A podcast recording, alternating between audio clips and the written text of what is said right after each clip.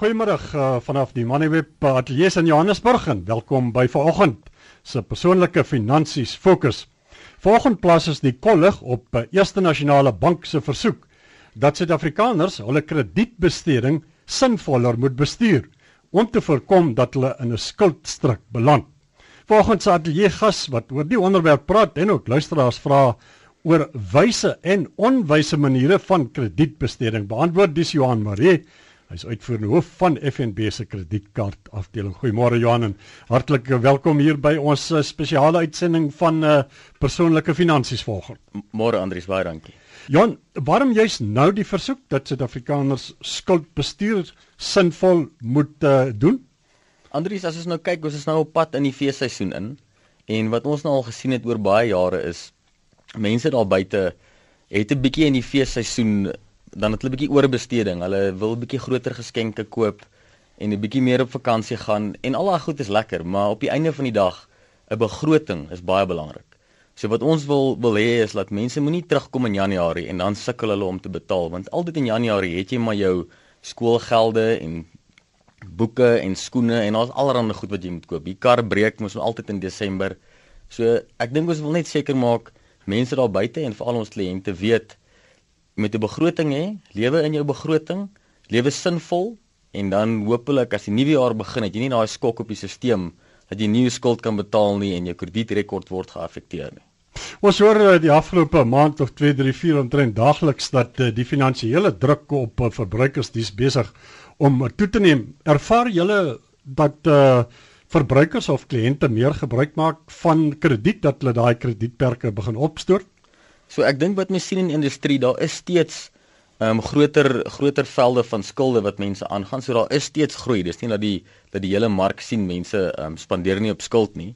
En ek dink weer eens dis waar ons wil inkom en net sê lewe binne jou ehm um, wat is jou inkomste en en jou spesifieke vermoë? Want baie keer lewe mense bo kan daai perke en en dis waar die probleme inkom. Skuld is nie sleg nie. Dis net wanneer jy dit begin doen wanneer dit nie bekostigbaar is vir jou as individu en in jou situasie nie. Luisteraars kan ons skakel by 011 6842780. Ons praat oor doeltreffende skuldbestuur. Dit geld ook uh, vir kredietkaarte bestuur en ander tipes van uh, skulde. In die algemeen, Johan, hoe doeltreffend is Suid-Afrikaners uh, met uh, skuldbestuur? Andries, daar's 'n daar's 'n baie wye ehm um, veld of hoe kan ek sê hoe, hoe mense bestee. Daar's van die mense wat dit baie goed bestee wat altyd op tyd is, wat altyd betaal as hulle moet betaal. Ehm um, wat ook nooit jy kan jy kan sien hulle hulle gaan nie oor hulle perke wat hulle het nie. En dan is daar natuurlik die mense wat wat heeltemal ehm um, te veel spandeer en en dis gewoonlik die mense wat in groot moeilikheid kom en dan vassit in in 'n situasie is waar hulle hulle sukkel om skoolgelde te betaal of om om kos te koop want hulle moet al hierdie skuld moet nou ehm um, actually jy moet betaal en vereffen. So ek dink dis dis 'n wye um, spektrum wat ons sien. Maar daar is oor die algemeen is daar is daar baie meer mense wat dit beter doen. Maar soos jy weet, daai daai paar mense wat dit nie reg kry nie, dis baie sleg en en daai situasies is is hartverskeurende. Mense wil nie van hulle is is nie goed om te hoor nie. Gee vir ons enkele voorbeelde waar uh, maak mense die grootste foute? Ehm um, mense maak die foute soos ek al vroeër genoem het. As jy byvoorbeeld ons gaan nou dit feesseisoen, so dan koop mens goed wat jy nie regtig nodig het nie. En en ek weet dit is lekker om om altyd groot persente te koop vir familielede, maar daar is 'n perk waar mense dit oordoen. So dis op persente, dis op vakansies. Ehm um, sommer net daar's items in die huis wat jy nie regtig nodig het nie. Ons het nie nou regtig 'n nuwe televisie nodig nie, maar ons wil ons nou Desember wil ons bietjie bietjie mooi televisie kyk, dan koop ons 'n nuwe een. Ehm um, so ek dink mense lewe net bo hulle vermoë en en daar's dis waar die grootste ehm um, kan ek sê probleem kom waar mense in, in daai slaggat trap waar hulle net lewe waar hulle nie eintlik kan wees nie. Ons praat oor doeltreffende skuldbestuur of uh, kredietbestuur. Ons gaan nou nou kyk na die oplossings vir diegene wat uh, skuld het wat hulle moet bestuur wat hulle nie weet hoe om te bestuur nie. Op die lyn is uh, Elwyn, lyk dit vir my van Kaapstad. Uh, Goeiemôre Elwyn. Hallo, goeiemôre Andries. O, ek luister gereeld na jou geldsaake saans of sewe en ek geniet dit baie. Ek is baie bly jy geniet dit. Uh, Moenie ophou luister nie, hoor. Ja, Andries, uh, ek hoop nou my oproep pas in by by jou onderwerp vandag.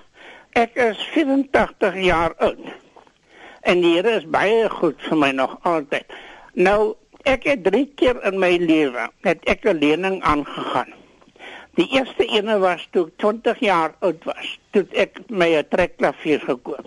En dit ek afbetaal by R Muller hier in Langstraat, Kaapstad. Toe my tweede lening was gewees toe ek in 1955 1958 vir my 'n Volkswagen Kewer gekoop het. Dit dit was op skuld. En my derde en die laaste lening wat ek aangegaan het wat so ek 1969 vir my huis laat bou. En die het ek afbetaal toe ek afge, afgetree het 1985. Ek was 'n ou wat van my skool daar af gespaar het. Toe op skool kon ons 'n tikkie 'n tikkie se seël koop mm. by ons onderwyseres. Ja. En dit ek gekoop en aan 'n poskantoor boekie geplak. En wanneer daai boekie vol is, dan het ek daai boek die die die boekie gaan ingee en dan het ek 'n klompie geld gekry dat ek vir my 'n blikkie uh uh, uh ag wat jy goed se naam kondensmelk. Mm. Dat ek my blikkie kondensmelk gaan koop vir 11 pennies. Ja, vertel vir ons eh, die tyd die hal is 'n bietjie in uh, as jy 'n spesifieke vraag het of is dit nou van die wyshede wat jy wil deel met ons jou hele lewe lank tot 87 net 3 lenings is dit 'n goeie manier van doeltreffende skuldbestuur vir jou gewees? Ja, nee, met my my my doeltreffende skuldbestuur was om van my daar af te spaar. Elke elke sent wat ek elke penny, elke sent wat ek kon het ek gespaar. Op 'n stadium het ek 20% hmm. rente by by by Santam gekry op my spaarrekening. Daai ja. daar, lekker goeie daar. Nee, ek wil maar net sê, spaar elke sent wat jy kan van hoe vroeg jy vroeër jy begin hoe beter. Alwen baie dankie dat jy geskakel het. Ehm uh, ons ateljee gas, die is uh Eerste Nasionale Bank se hoof van uh kredietkaart afdeling Johan Marie. Johan uh, ja, daar is baie mense wat sê spaar, moet jy alles spaar of krediet het 'n deel van die moderne samelewing geword skuld maak. Ja, Andries en uh, Elwin, ek dink hierdie is 'n is 'n goeie voorbeeld van van iemand wat nie bokant sy um, inkomste geleef het nie. En as jy ook kyk die die tipe goed waarvoor jy die skuld aangegaan het. Jou trekklavier, jou kar en jou huis. Dit was dis goed wat jy het net nie die die kapitaal gehad om dit op daai stadium te koop nie, maar jy het hulle almal afbetaal en jy het nie geleef op skuld nie. So ek dink daai is 'n baie goeie voorbeeld van hoe iemand dit dit kan doen en dit baie effektief spandeer en dan ook soos jy hierso sê die skuld afbetaal. So met ander woorde jy het vinnig afbetaal en die geld eerder in 'n rekening gesit waar jy meer rente gekry het. Ehm um, ek dink ek wens ons het meer sulke mense gehad, maar dit is daar's baie vir wie dit moeilik is om om daai voorbeeld te kan volg. Luisteraars kan ons skakel by 0116842780. Maar Johannes om geld te spaar is een ding, maar dit is so solank wat jy spaar, het jy nog nie daardie artikel wat jy nodig het nie. So die voordeel sou wees dan van skuld maak en ons wil nie vanoggend praat oor al daardie voordele nie, maar dit is inderdaad so dat as jy skuld maak, dan kan jy gouer daardie artikel bekostig. En dit gaan nie noodwendig deesdae en ek sê vra eintlik oor skuld maak of nie skuld maak nie, dit gaan eintlik in hoofsaak hieroor of jy skuld wat jy maak doeltreffend kan bestuur en of jy dit kan bekostig. Ja, ek dink daar is die belangrike punt. So as dit in jou begroting is, so vat nou Elwin se voorbeeld.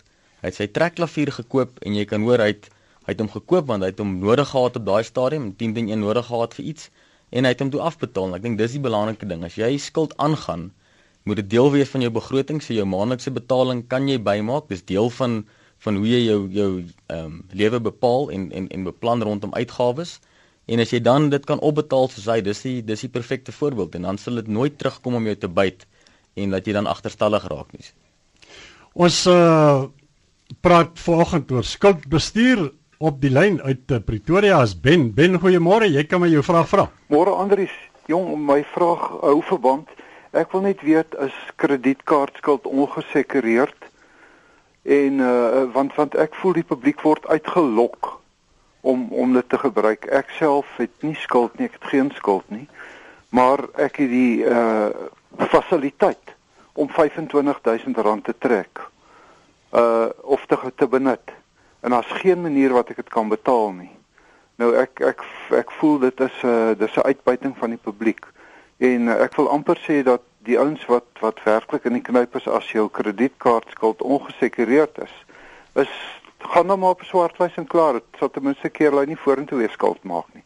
Ek luister wat jou antwoord. Dankie. Ben, dankie dat jy geskakel het. Uh, Johan, ja, kom ons praat daaroor. Dalk moet jy vir die luisteraars voordat ons hierdie gesprek verder voortsit en by die tweede vraag uitkom oor die kredietperk wat toegestaan is. Jy net kortliks verduidelik hierdie hele woord, die terme van ongesekureerde skuld. Uh, dis deesdae is dit aan die orde van die dag. Wat uh, val onder ongesekureerde skuld. Hy het spesifiek gevra kredietkaarte. As dit nie kredietkaarte is nie, wat is dan onge, ongesekureerde skuld? So so ek dink daar's daar's 'n paar meer produkte wat wat onder dit val. Enige persoonlike lening en dit hang maar af hoe die bank dit doen. Ehm um, selfs die oortrokke fasiliteit op jou op jou ehm um, chequerekening is ook daar daar's nie iets wat agter dit staan wat sê daai is 'n sekuriteit. So byvoorbeeld met 'n huis of 'n kar kan jy sê daar's daar's 'n mate van sekuriteit agter dit. Ehm um, as jy nie jou jou huislening betaal nie, dan kan jy die huis gaan vat of jy kan die kar terugneem of verkoop en ten minste en vir jou as kliënt kan jy dit ook dan doen as jy nie kan betaal nie. Waar met hierdie tipe skuld ehm um, persoonlike lenings, kredietkaarte, oortrokke fasiliteite is daar gewoonlik geen sekuriteit agter dit nie en en wat dit eintlik is is hulle dis dis 'n vertrou vertrouens ooreenkoms tussen die kliënt en die bank of wie ook al die ehm um, skuld uitgee en hulle sê ehm um, jy moet die skuld terugbetaal want ons gee vir jou die lening. So is 'n kredietkaart is dit dan gesekureerd of ongesekureerd? Ongesekureerd. So ongesekureerd. So so dis oralste, maar dit daar is ook ehm um, uitsonderings, so dit hang ook af. Daar is baie keer wat die wat die bank mag sê voordat hulle 'n lening gee, sal hulle dit soek, maar dis die uitsondering. Oor die algemeen is hierdie tipe lenings ongesekureerd daar's geen sekuriteit agter dit nie. Dit is 'n lening wat gedoen word op jou ehm um, Hulle kyk na jou na wat is jou kredietprofiel en hulle sê vir jou hier's vir jou 'n lening van van hoeveel duisend rand. Wat vir die finansierder en dis die laaste vraag. Nou as gaan nou nou terugskakel na RSG. Baie kortliks verhandel is dis uh, uit 'n finansierder se oogpunt wat uh, ongesekureerde skuld uh, dikwels 'n baie hoë risiko skuld maak. Is die feit dat dat dit is nie verseker. Met ander woorde daar is nie 'n fisiese iets agter dit wat waarborg gee vir ingeval daai skuld nie betaal word waarop die finansierder dan kan gaan beslag lê nie dan verloor hy die geld. Dis dit min of meer soos wat dit werk. Dis min of meer so maar ek sal net daarteen waak dat dis nie te sê dat as jy 'n kar het, as jy 'n kar lening het, dat daai kar eintlik iets werd is nie. So dit gee sekuriteit, dit gee 'n mate van sekuriteit, maar mens mens moet nooit in daai slaggat val wat jy sê ek het hier's 'n huis en, en as iets verkeerd gaan, ek het 100% daarvan kan ek terugkry nie, want dit is ongelukkig pryse val en pryse gaan in verskillende rigtings.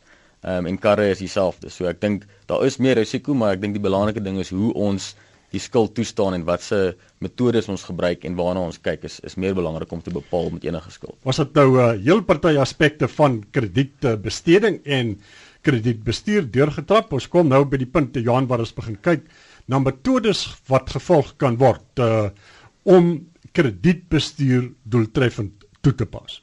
Waar begin 'n mens en hoe vat jy die proses deur? Want die begin kan dalk reg wees, maar dit is baie beslis nie die einde van doeltreffende kredietbestuur nie.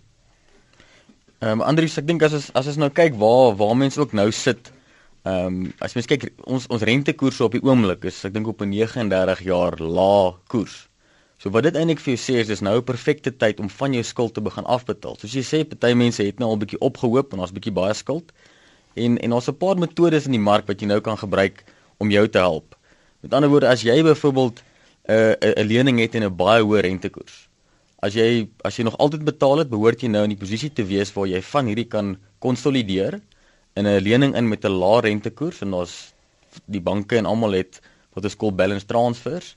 Ehm um, en wat baie belangrik is hierso is hierdie is net 'n 'n dis 'n meganisme wat jy gebruik. Ek sal nie sê doen dit om nog steeds meer skuld te maak nie. Dis wanneer jy daar sit en jy nou moet 'n plan maak en hierdie skuld afkry. Kry dit teen 'n lae rentekoers want jy kan dit nou kry by die banke en dan betaal jy daai skuld op daai plan af wat jy dan ge ehm um, opgestel het met die bank. Miskien is dit paar honderd rand 'n maand en jy betaal hom af en en dis hoe jy dan uit daai skuldrad uitkom en dit beter bestee. Maar hoe voorkom 'n mens dat jy by 'n punt uitkom dat uh die skuld wat jy het dat dit nie buite perke raak nie. Deesdae is daar baie kaarte, kredietkaarte, nog 'n kredietkaart en 'n Mastercard en 'n Visa kaart en baie ander skuldkaarte by verskillende bankinstansies wat gemaak word. Wanneer moet ek begin besef maar luister, ek is nou op die rooi lyn. met my skuldmakery en my skuldbestuurdery. En ek ek ek dink as ek kan sê daai kom terug na wat is jou begroting? So as jy sit aan die einde van die maand en ek dink dis waar waar besighede kan argumenteer baie beter is. Besighede sit maandeliks en kyk na begrotings en kyk na wat was die eintlike uitgawes en wat was inkomste. Ek dink as as die publiek al buite ons ons laat dit net gaan. Jy jy spandeer en jy kyk maar nou en dan. En dis waar jy in daai slaggat trap waar jy nou iewes skielik agterkom. Hier het ek 'n groot lening aangegaan. Dit kon by enige iemand, kon by 'n klerewinkel gewees het, kon by 'n bank gewees het. En nou sit jy terug en nou sien jy wat inkom is nie genoeg om om al daai skuld te begin betaal nie. So ek dink om terug te kom wat belangrik is as jy moet dissipline hê.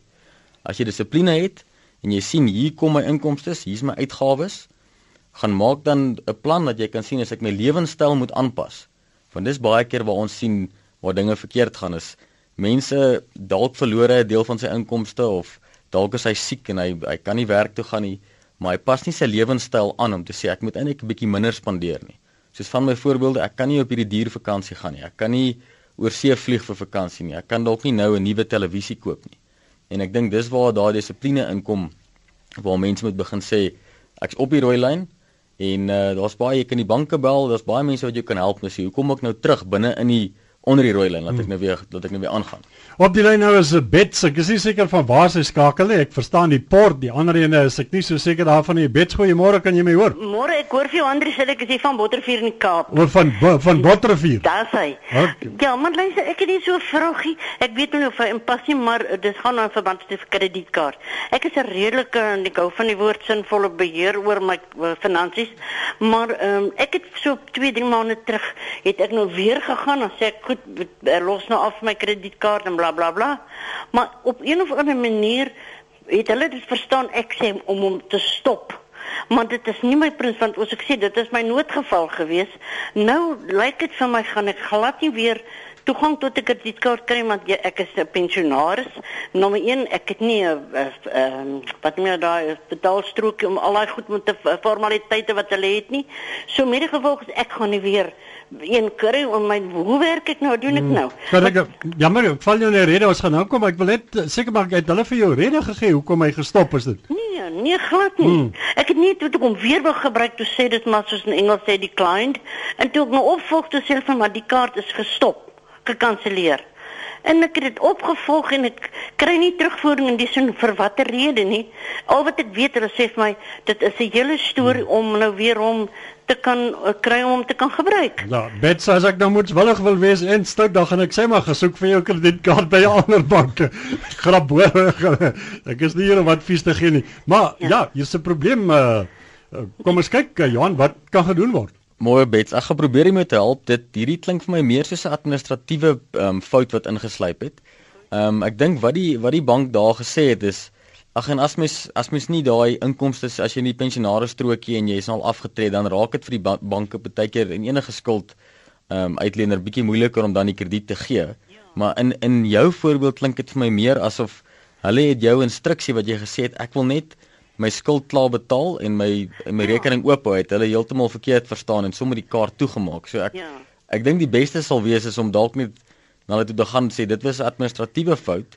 Ja. Ehm um, soos jy sê as jy nog altyd betaal het, sal daar nie 'n rede wees hoekom hulle hom Ja. nie weer vir jou aan die gang kan sit nie. Eh, maar wie weet soos ek sê nou om nou hierdie ding dis nou jou phone en jou press 1 jou press 2 en jy kry en dan kom net in die bank sê vir my ek was gister weer by hulle en die bank sê vir my nee ek se prosedure weer moet deurgaan om weer betaal vroeër en ek meen daai goed het ek mos nou ek is nou pensionaris. Mm. So dit is my hele so ek gaan maar weer van voor af dan ek weet nie hoe nie.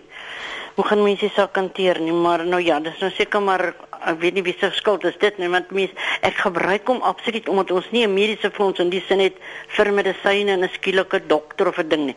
Verstaan of 'n noodgeval. Ja. Maar nou sit jy sonder daai wie is nou amper nou of, of, moet verloor se vlakte want dit was daarmee uitkoms. Ja, nee, ek ek dink jy's in 'n moeilike posisie, maar ek sal jou aanraai om dalk weer met die bank net te praat en seker te maak hulle verstaan want in jou oorspronklike instruksie het jy definitief nie gesê wil hom toemaak nie, het net gesê ek wil net die ek wil net betaal. As daar 10000 uitstaande was, dat ek dit net gou betaal en ek los hom op nul. Oh, maar daar is nie dat my iets wat my kan penaliseer in die sin ek se pensionaris nie. Daai daai gaan dit kyk soos met enige enige krediet wat iemand uitgee, hulle het hulle eie reëls wat hulle deurkyk. Ja. Pensionarisse ons gee nog steeds krediete aan pensionaarsse, maar da, dit maak dit baie keer moeiliker want jy's nie seker wat se inkomste. Ja, so hulle mag dalk vir meer van daai goed van jou vra. Ja. Maar as jy nog altyd jou kaart betaal het en jy was nog altyd op tyd, dan is daar geen rede hoekom hulle jou nie kan help en vir jou Dis nog gee. Goed. Ag baie baie dankie man. Nee, groot plesier. Dankie hoor, lekker dag. Tot Baie dankie, baie dankie. Andries. Dit was 'n Bye. groot plesier. Dankie dat jy geskakel het, Bets. Uh, Jan, jy het gepraat van skuldkonsolidasie as jy 'n klomp kaarte en 'n klomp skuld op verskillende plekke het en dit raak moeilik om almal individueel te te hanteer en te bestuur konsol skuldkonsolidasie. Waar kry 'n mens 'n skuld konsolideerder? Bied handelsbanke byvoorbeeld soos FNB en Absa en wie ook al nog daar buite kan, is bied hulle byvoorbeeld die soort van dienste of soortgelyke dienste aan wat 'n mens kan help om jou skuld bymekaar te kry en dit dan op 'n ordelike manier te bestuur. Ja, so Andries, ek kan nou nie te veel van die ander banke sê nie. Hulle almal het min of meer dieselfde produk, maar wat ons het by FNB, ons het 'n balance transfer wat is vir teen 9.9% vir 9 maande wat as jy dan help om jou skuld te konsolideer. En en wat dit eintlik help en dit kom na my vorige punt toe is baie keer met verskillende van hierdie lenings dan kry jy een lening teen 20% en jy kry een teen 15 en jy kry een teen 10 en so gaan die lenings maar aan. En dan wat jy eintlik agterkom is en van hulle het nog fooie ook by wat jy elke maand 'n voetjie ook betaal. En dis waar dit dan as jy as jy op die punt kom wat jy nou jy, jy kan dit doen dan konsolideer jy. So dis die fooie wat jy spaar. Daar's baie keer versekeringspremies in daai produkte ook. So jy betaal eintlik baie meer as net die skuld. En dan konsolideer jy dit. En wat dan goed is is as jy nou jou jou jou hele begroting uitvul om dan af te betaal dan sê nou het ek hier vat ek argumente al 50000 rand ek sit dit hier in en ek en ek betaal dit af en dis 'n betalingsplan. Jy kan dan kies of jy dit wil doen oor 24 maande, oor 36 maande of tot op 60 maande en dan het jy dan betaal jy daai elke maand gaan jy daai net afbetaal totdat daai skuld dan vereffen is.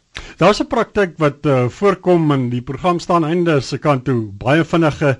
Is dit uh, mense wat skuld het te veral hier by die kredietkaarte en dis goed uh, meer as hy nou 'n fasiliteit het ons noem dit maar so daar word daar is nog X bedrag beskikbaar in die een kaart dan is skuld hoeveelheid geld op 'n ander kaart wat hy nie nou kan bekostig om te betaal nie. Dan gaan maak hy maar net skuld by uh, die ander kaart waar die fasiliteit is om die skuld op die ander kaart te betaal. Sou dit 'n doeltreffende manier wees of is daar risiko's verbonde aan die manier van skuldbestuur? Nee, daai is daai is 'n groot risiko as jy in in die industrie so baie van die bedrogmense gebruik het ook. Hulle noem dit kite flying. Ek het nou nie die mooi Afrikaanse woord nie. Ehm um, wat mense so tussen die kaarte en tussen die verskillende lenings geld deurwas amper.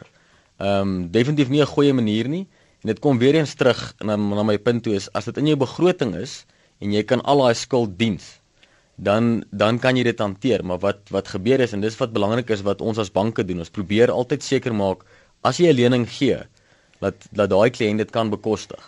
En en dis hoekom dit eintlik as 'n industrie werk ons saam. Jy moet altyd kyk kan die kan die kliënt daai bekostig? Soos ons om 10 gee en argumente dalwe netbank gee om 10 kan hy die 20 bekostig? En as ek agterkom hy kan nie meer nie dan moet ek begin ehm um, optree en sê ons dink nie jy kan dit meer bekostig nie. So dis 'n dis 'n belangrike punt dat mense moenie net uitgaan en soveel as moontlik ehm um, kaarte kry en dan op die einde van die dag net in daai moeilikheid in hardloop van die geld tussen mekaar moet rondstuur want hy kan nie meer een of die ander bekostig nie.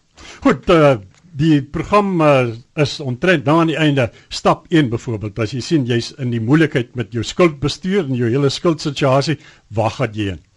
So so wat die belangrikste is wat wat ek sou voorstel is jy moet jou jou bank bel. So byvoorbeeld as jy nou by FNB is en jy kom agter ek is besig om moeilikheid in te hardloop. Moenie wag totdat jy reeds agterstallig is en nou probeer planne maak nie, want dan raak dit baie moeilik. Kom vroeër na ons toe en en dan is die al die spanne is gereed om dan te help. Dis hoe kan ons 'n 'n plan maak om jou te help en miskien saam met jou te kyk hoe om jou lewenstyl bietjie aan te pas. Ehm um, so ek dink dit hang net af hoe ver in die moeilikheid is. Baie keer kan jy dit self doen as jy sien in my lewenstyl, ek gaan eet elke aand uit. As jy daai sny, gaan jy 10 10 1 al weer bietjie beter wees. Ander kere sê ek kan niks meer sny nie. Nou is dit ek moet my, met my met my skuld uh, mense gaan praat en sê hoe kan die bank my help om seker te maak ek betaal my skuld af en ek en ek het nie 'n slegte kredietrekord en en al daai goed. 30 sekondes, daar's nog een vraag. 'n Luisteraar het ook daarna verwys. As 'n bank my R30000 krediet aanbied, sou dit wys wees as die bank dink ek kan dit bekostig om uh, dit uh, dan so te aanvaar dat die bankrekening mos nou my posisie is reg. Dis waarom hy die R30000 vir my aanbied of moet ek dan my eie sake gaan kyk voordat ek die leiding vat van die bedrag wat die bank by aanbied. So my raad sal wees kyk na jou eie sake want onthou toe die bank daai lening vir jou gegee het of daai kredietkaart dit kon 2 jaar terug gewees het dit kon 3 jaar terug gewees het jou situasie het dalk baie verander jou inkomste het verander so ek sou voorstel jy moet kyk na jou eie stand van sake en van daardie af sê jy wat kan ek bekostig en wat nie en dis hoe jy dit vorentoe vat Johan, baie dankie dat jy kom kuier. Ek voorspel tot ander dag. Dan praat ons weer uh, skuldbestuur sake. baie dankie Andri Dit was Johan Marie, uitvoerende hoof van Eerste Nasionale Bank se kredietkaart afdeling en op daardie noot uh, groet ek self Andrius van Sail en so ook die res van die Moneyweb span.